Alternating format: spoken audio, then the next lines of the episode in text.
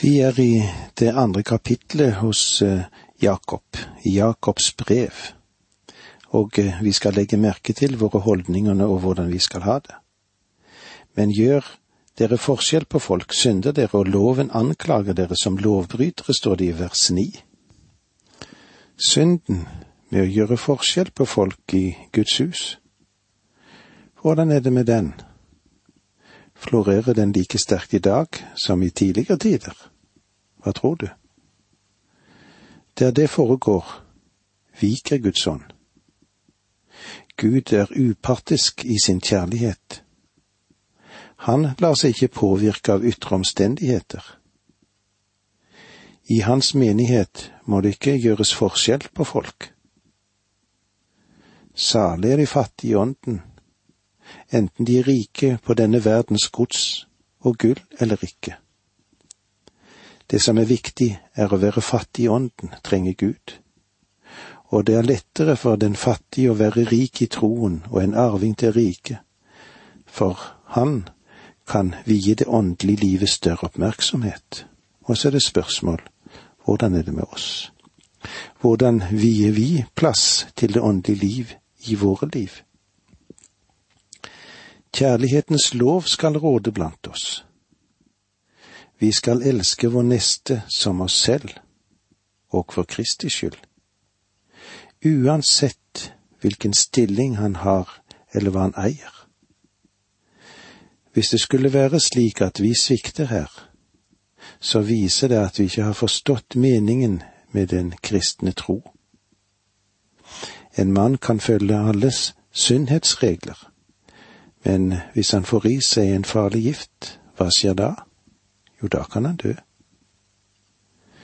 Ytre sett kan vi være lydige mot alle lovene, men hvis vi svikter kjærlighetslivet, da ruinerer vi oss selv. La oss se videre hva det står i vers ti.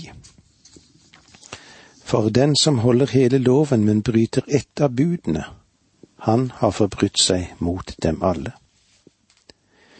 Jakob sier ikke at om du bryter ett bud, så har du brutt dem alle. Han sier at du er skyldig i å bryte budene uansett hvilket det er du, om du bryter ett av dem. Det forteller oss også en annen ting, nemlig at du har ingen grunn til å se ned på andre for det de gjør. Når eh, det kommer til stykket, står vi alle skyldige for brudd på hele loven om vi forgår oss mot det ene. Og det burde gi oss grunn til besinnelse. Vi står alle for Gud som lovbrytere. For den som holder hele loven, men bryter ett av budene, han har forbrutt seg mot dem alle. Kan en slik enkel feil gjøre litt forskjell på folk, tro, og ha så vidtrekkende betydning? Derfor understrekes det her lovens helhet. Guds hellige vilje kan vi kanskje sammenligne med en kjetting. Å bryte et eneste ledd er å bryte helheten. Men Gud tvinger ingen. Han ser etter hjertet, om vi frivillig vil gjøre Guds vilje i alle forhold. Slik taler Jesus om den som bryter ett av mine minste bud, som det står i Matteus 5, 19. Om altså noen opphever et eneste av disse mine, disse minste budene og lærer menneskene dette, skal han regnes for den minste i himmelriket. Men den som holder dem og lærer andre dette, han skal være stor i himmelriket. La oss lese litt videre i Jakobs brev det ellevte verset i kapittel to. For han som sa, du skal ikke bryte ekteskapet, hans også, du skal ikke slå i hjel. Om du ikke bryter ekteskapet, men slår i hjel, da er du en lovbryter. Å bryte en lov gjør deg til lovbryter. Vers tolv. Dere skal dømmes etter frihetens lov, og etter det må dere leve i ord og gjerning. Frihetens lov er Kristi lov. Den Herre Jesus sa det slik, om dere elsker meg, holder dere mine bud, Johannes 14, 15. Og hver hans bud. Dette er mitt bud, at dere skal elske hverandre som jeg har elsket dere, står det i kapittel 15, vers 12 i Johannes. Vers 13 i Jakob 2. For dommen skal være ubarmhjertig mot den som ikke har vist barmhjertighet, men barmhjertighet roser seg mot dommen. Vi trenger å erkjenne i dag at det er synd å tro at vi er bedre enn andre og se ned på andre. Det betyr ikke noe hvordan et menneske er. For Gud står det mennesket på samme plan som oss, som deg og meg. Vi er alle sammen syndere og trenger å komme for å finne frelse og få nåde. Vi må alle komme til korset og ta imot Kristus som vår frelser. Dette forholdet som Jakob ønsker å ta fram, er til alle tider den kristne menighets og den enkelte kristnes farlige fristelse i denne verden, nemlig å la det verslige samfunnet få lov til å bestemme over det kristne samfunn. I vår tid, da det arbeides med sosial likhet, og det blir mer og mer anerkjent, så er det i grunnen elitedyrkelsen som dominerer, og den gjør jo forskjell på folk.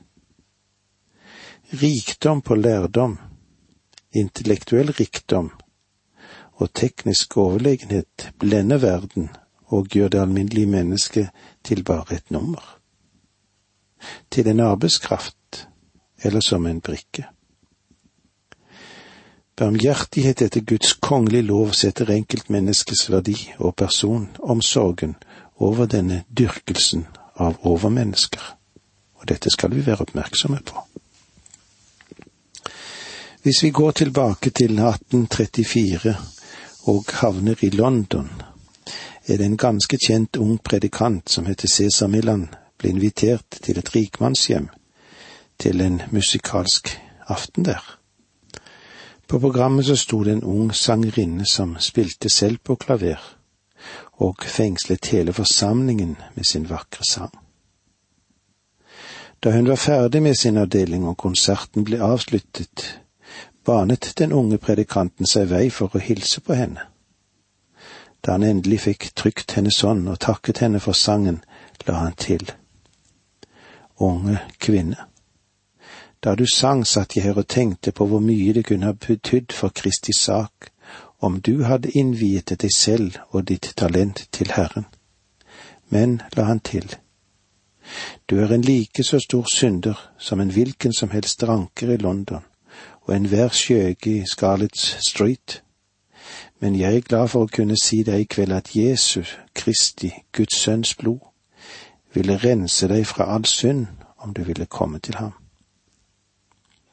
Tydelig oppbrakt og irritert kneiste hun trassig med nakken og sa til ham, Jeg tror aldri at noen har fornærmet meg slik, min Herre. Hun snudde ryggen til og gikk. Han ropte etter henne, unge kvinne, det var ikke min mening å støte deg, men jeg ville be om at Guds ånd ville overbevise deg. Alle gikk hjem til sitt, men den unge damen kunne ikke sove. Ved to-tiden om morgenen knelte hun ved sin seng og tok imot Kristus som sin frelser. Og så satte Charlotte Elliot seg ned, og så skrev hun en av de sangene som har betydd mest i vekkelsessammenheng just som jeg er, ei med et strå, av egen grunn å bygge på. Men for din nåde fritt å få, jeg kommer, o Guds lam, til deg. Og så heter det i det siste verset, Gust som jeg er, din kjærlighet, har brutt hver mur og hindring ned. Du skjenker meg en evig fred, jeg kommer, o Guds lam, til deg får jeg lov å si så enkelt, men på samtidig vis direkte til deg. Dette er grunnlaget som du og jeg og alle må komme til Kristus på. Just som jeg er, din kjærlighet, har brutt hver mur og hindring ned. du skjenker meg en evig fred, jeg kommer, o Guds lam, til deg. Takk for nå, må Gud være med deg. Dette undervisningsprogrammet består av to deler. Åge Nevland fortsetter nå med andre del av dagens undervisning. Vi er i Jakobs brev i det andre kapitlet, og eh, vi ser hvordan Jakob får lov til å fortelle oss hvor viktig det er å ha et rett forhold til Jesus Kristus. I det trettende verset leser vi slik, for dommen skal være ubarmhjertig mot dem som ikke har vist barmhjertighet, men barmhjertighet roser seg mot dommen. Hvordan er det med dommen? Dommen er som den skarpeste øks som henger over vårt hode alle sammen. Enten vi er redning som ateist, så frykter en for dommen. Det finnes ikke et eneste menneske på vår jord som på grunn av sin oppførsel og gode gjerninger kan stå for Gud i dommen. Det står jo slik, alle har syndet og fattet Guds ære.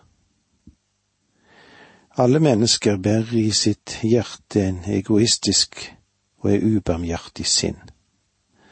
Derfor kan ingen av oss rose oss mot dommen, men eh, vi må slå våre øyne skamfullt ned. Det finnes bare én som har levd et menneskeliv fylt av barmhjertighet og kjærlighet. Det var han som frivillig tok våre slag og våre sår vår dom og vår straff. Endatil i den hardeste dødskampen så viste han miskunnhet mot en arm synder. Kan du tenke deg for en situasjon der på Golgata? Jesu Kristi miskunnhet, rettferdighet og kjærlighet tilregner Gud den som tror på ham. For et under. Slik som jeg er, skal jeg nå få lov til å rose meg mot dommen. Ikke for min skyld, men for hans skyld. Han som tok min synd og lever mitt liv for Gud. Du og du, for en nåde. Det er helt umulig å leve i denne nåden uten at Hans barmhjertighet mot oss føder barmhjertighet i vårt eget sinn. Gud vil nå prøve troen mot gode gjerninger. I versene 14 til og med vers 26 viser Jakob oss at Gud prøver troen ved gode gjerninger. Det er de som sier at vi i dette avsnittet har en motsigelse av det Paulus skriver, fordi Paulus gjorde det helt klart at troen kunne frelse deg og eh, vi har hans klare tale i Galaterbrevet 2,16. Men vi vet at et menneske ikke blir rettferdig for Gud på grunn av gjerninger, som loven krever, men bare ved troen på Kristus Jesus. Derfor trodde også vi på Kristus, så vi kunne erklære oss rettferdige ved troen på Kristus, ikke på grunn av lovgjerninger for ikke noe mennesker blir rettferdig for Gud på grunn av lovgjerninger. Jeg har delt dette avsnittet som vi nå går inn i, på følgende punkter eller hoveddeler. Det første er tolkningen av tro i vers 14. Det andre er gjenkjenning av troen, versene 15 til 20. Og det tredje bildet av troen i versene 21 til 26. Først har vi tolkningen av troen. Når vi forstår den definisjonen av tro som blir brukt av Paulus og Jakob i konteksten, det vil si den sammenhengende tekst i deres skrifter, så ser vi at Paulus og Jakob sammenfaller, og de drøfter det samme tema fra forskjellige synspunkt. Paulus sier at et menneske ikke blir frelst ved gjerninger eller ved lovens dyder. I Romene 3,28 skriver Paulus slik, for vi mener at mennesket blir rettferdig for Gud ved tro uten lovgjerninger. I Galaterne, som vi har merket oss, sier Paulus at et menneske ikke blir rettferdiggjort ved gjerninger, men ved troen på Jesus Kristus. Hvordan skal vi da klare å kunne harmonisere Paulus og Jakobs sine synspunkter? Som en har sagt det. Paulus og Jakob står ikke til ansikt til ansikt og kjemper mot hverandre, men de står rygg mot rygg og kjemper mot forskjellige fiender. Ved denne tiden var det dem som sa at du måtte gjøre lovens gjerninger, altså Moseloven. At du måtte komme ved loven for at du kunne bli frelst. Paulus svarer på det ved å si at lovens gjerninger ikke kan frelse, og at det er bare troen på Kristus som kan frelse deg. Både Paulus og Jakob forsvarer den festning som troen representerer. For å se det, så må vi forstå den terminologi som de bruker. Paulus sier at frelsende tro, en tro som er ekte og virkelig, vil forvandle et menneskes liv. Paulus sa om seg selv, men det som før var en vinning for meg, ser jeg nå som et tap på grunn av Kristus. Filippenserbrevet 3,7. Det var en virkelig revolusjon som fant sted i hans liv da han kom til Kristus.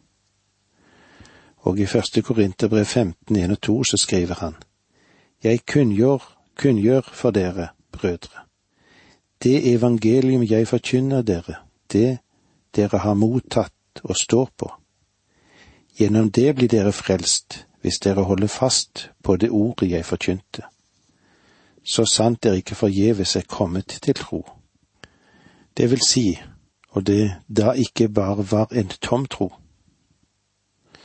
La oss nå se på hva Jakob har å si til dette, og vi leser i det andre kapitlet vers 14. Mine brødre, hva hjelper det om noen sier at han har tro, når han ikke har gjerninger? Kan vel troen frelse ham? Jakob taler ikke om lovens gjerninger, han sier ganske enkelt at den troen som frelser deg, vil skape gjerninger. Den vil skape troens gjerninger. Den tro som Jakob taler om her, er bekjennende tro. Den som er en forfalskning og etterligning. Paulus henviser til det samme når han sier i 1. Korinterbrev 15,2 så sant dere ikke forgjeves er kommet til tro. Og han skrev også i andre Korinterbrev 13,5, ransak dere selv om dere er i troen. En av de største farer for oss som formidler Guds ord når vi forkynner evangeliet, er at vi liker å se mennesker bli omvendt. Og vi er villige til å akseptere et overfladisk ja til et menneske som sier ja, jeg vil stole på Kristus. Men det kan av og til være like tomt som mangt annet av det som menneskene sier. Det er enkelt å svare et ja uten at premissene er til stede for å kunne si ja. C.S. Lewis har en liten historie der han sier at djevelen kalte sammen alle sine sine demoner til et møte der de skulle drøfte hvordan de kunne overbevise mennesker om at Gud ikke eksisterte. Siden de selv trodde på hans eksistens, så lurte de på hvilken taktikk de skulle bruke. En demon foreslo at de skulle si til mennesker at Jesus Kristus aldri hadde eksistert, og at mennesker ikke burde tro på noe slikt nonsens. En annen demon foreslo at de skulle overtale mennesket til å innse at døden var slutten på alt, og det var ikke nødvendig å bekymre seg for livet etter døden. Til slutt foreslo den mest intelligente demonen at de skulle si til alle at det er en Gud, at Jesus Kristus finnes, og at de kan tro på ham som frelser, men at det er bare tilstrekkelig å bekjenne denne troen og så fortsette å leve i synd, slik som han hadde gjort opp gjennom alle tider. og eh, de besluttet seg for å bruke denne taktikken.